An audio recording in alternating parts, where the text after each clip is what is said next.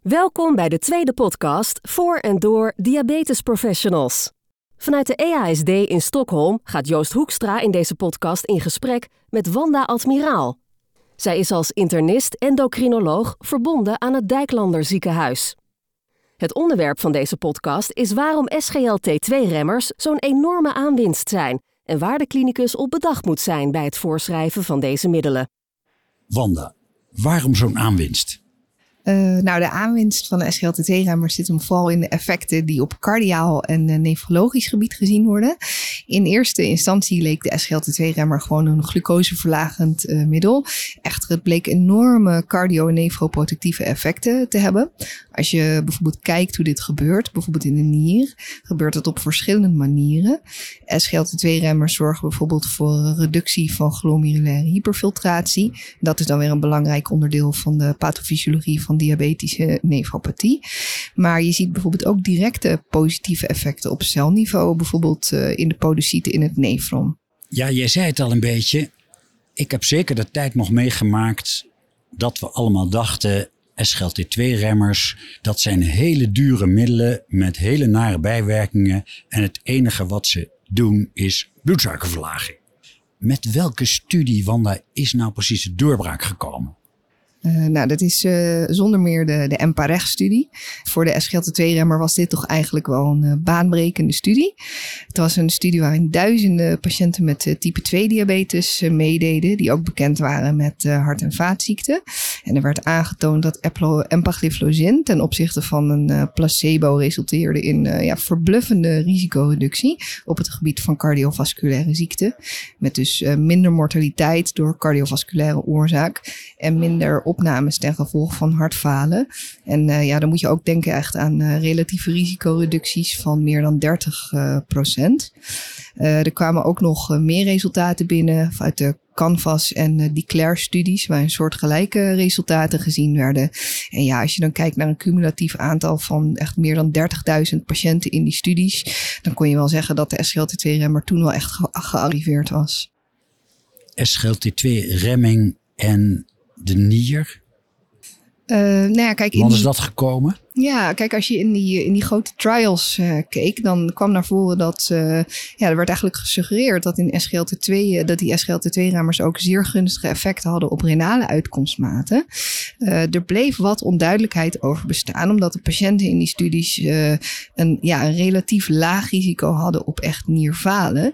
En er waren ook vrij weinig patiënten in die eerste grote trials die bijvoorbeeld echt uh, eindstadium nierfalen bereikten.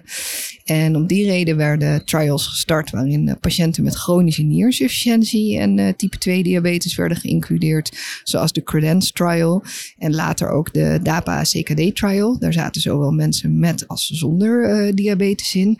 En daarin zag je echt dat de SGLT2-remmers bij deze patiëntengroep in vergelijking met placebo zorgden voor echt minder risico op nierfalen, achteruitgang van de nierfunctie of ook dood door een uh, renale oorzaak. Met ook forse relatieve risicoreducties. En moet je dan ook denken aan risicoreductie in de buurt weer van 30% ongeveer? Zeker. En in sommige studies ook nog wel meer. Maar op en nabij de 30%. Als je nou denkt aan de Nederlandse ja, manier van werken, wat heeft dit nou betekend voor de Nederlandse richtlijn? Nou, het heeft eigenlijk echt wel aanzienlijke betekenis gehad voor de huidige richtlijnen. Er is natuurlijk sinds de komst van GLP-1-analogen en SGLT2-remmers heel veel veranderd in de behandeling van patiënten met type 2 diabetes. En um, SGLT2-remmers hebben nu in de Nederlandse richtlijn bijvoorbeeld een heel prominente plek uh, gekregen. En dan met name uh, bij patiënten uit de zogenaamde hoogrisicogroepen.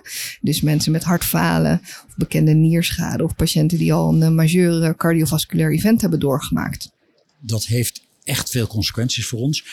Nou zitten we op de EASD in Stockholm. Wat levert deze EASD 2022 nou nog aan nieuws op op het gebied van die SGLT2-remming? Of is het eigenlijk klaar nou zo'n beetje? Nou, er valt nog uh, genoeg te onderzoeken op het gebied van uh, SGLT2-remmers. Uh, kijk, het is nu echt niet meer nieuw dat SGLT2-remmers bij patiënten met ernstig hartfalen of chronische nierziekte positieve effecten hebben. Maar wat je ook nu ziet, is dat gekeken wordt bij welke andere patiëntengroepen SGLT2-remmers gunstige effecten hebben. zo komt tijdens de ESD hier de Deliver Trial aan bod. Dat is een, ook een grote studie met duizenden, duizenden patiënten, waarbij gekeken wordt naar de effecten van dapagliflozin bij patiënten met zowel met als uh, zonder uh, type 2 diabetes. En die slechts uh, mild hartfalen hebben. Um, kijk, je moet denken aan patiënten met hartfalen met een linkerventrikel-ejectiefractie van boven de 40%. Dus preserved. ja, zeker. Dus de, de, de HFpEFers, zoals we dat noemen. En uh, wat er werd gezien was dat uh, dapagliflozin ook in deze populatie een verminderd risico gaf op verslechtering van hartfalen en op dood door cardiale oorza oorzaken. Met een relatieve risicoreductie van ongeveer 20%.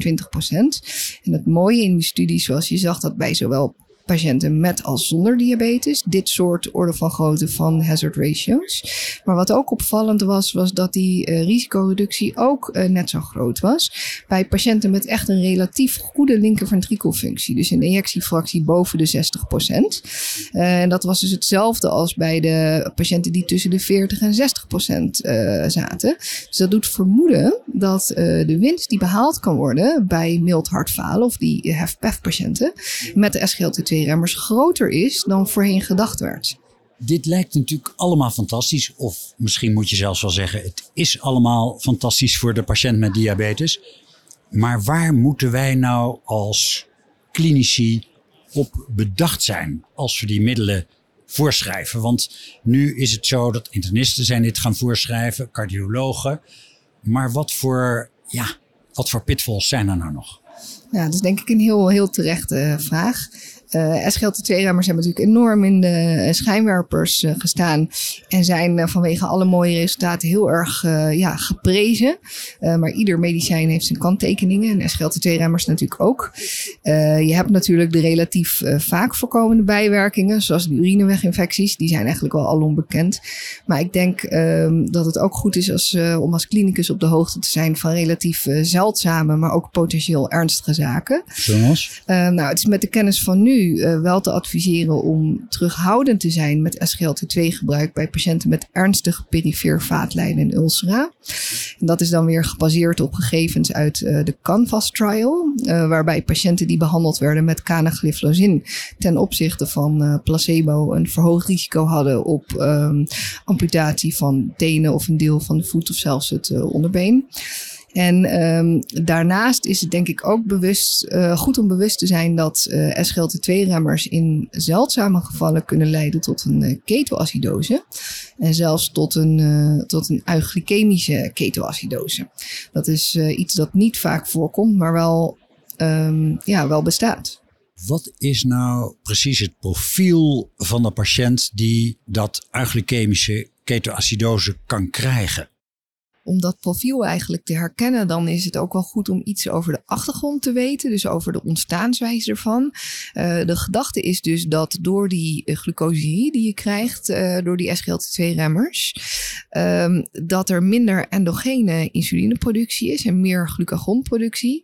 Um, en wat er dan gebeurt is dat je een shift krijgt van glucose naar vetmetabolisme en dat je daarom dus ketose krijgt. En als je dan denkt van nou, wie zou daar het meest kwetsbaar voor zijn? Dan kan je je voorstellen dat dat de mensen zijn uh, die weinig uh, beta-celreserve hebben. Dus als je dan kijkt naar ja, het, het type patiënt, uh, zeker bij de ESD, zeg maar dit jaar komt ook diabetes-typering komt uit aan bod. Dan denk je aan, aan die groep, dus eigenlijk ehm, de SIP-groep. Dus dat zijn de mensen met severe beta-cell insufficiency. Dus type 2 diabetes met weinig beta-celfunctie. Die, die Help, misschien, help nog even, hoe heet die groep precies? Um, de severe insulin deficiency group. En um, dat zijn eigenlijk um, ja, type 2 diabetes die misschien de neiging hebben om zich iets meer te gedragen als zeg maar het profiel van type 1 diabetes. Ja, ja helder. Als je nou kijkt naar de afgelopen vijf jaar, hè, dan heb ik zo'n beetje de indruk dat er drie dingen echt belangrijk veranderd zijn in het voordeel van de diabetespatiënt. Ten eerste de sensor is gekomen. Dan zijn er GLP-1 receptagonisten gekomen die echt heel veel veranderd hebben in de behandeling van diabetes. En tenslotte de SGLT2-remmers. Kan je het daarmee eens zijn dat dat, dat de drie belangrijkste zijn en dat de SGLT2-remmers daar ook wel bij horen? Ja, daar ben ik het eigenlijk uh, volledig mee eens. Je haalt uh, de woorden uit mijn mond. Nou, mooi, mooi. Dan gaan we het hierbij houden. Dankjewel. Ook dank. Deze podcast is gemaakt door diabetesgeneeskunde.nl. Luister ook naar de andere twee podcasts vanuit de EASD over eilandjestransplantatie en werkt leefstijlinterventie bij type 2 diabetes. Ben je geïnteresseerd in nieuwe podcasts? Abonneer je dan op deze podcast-app. En altijd fijn om een like achter te laten en anderen op deze podcast te attenderen. Voor het laatste congresnieuws van de EASD in Stockholm ga je naar diabetesgeneeskunde.nl.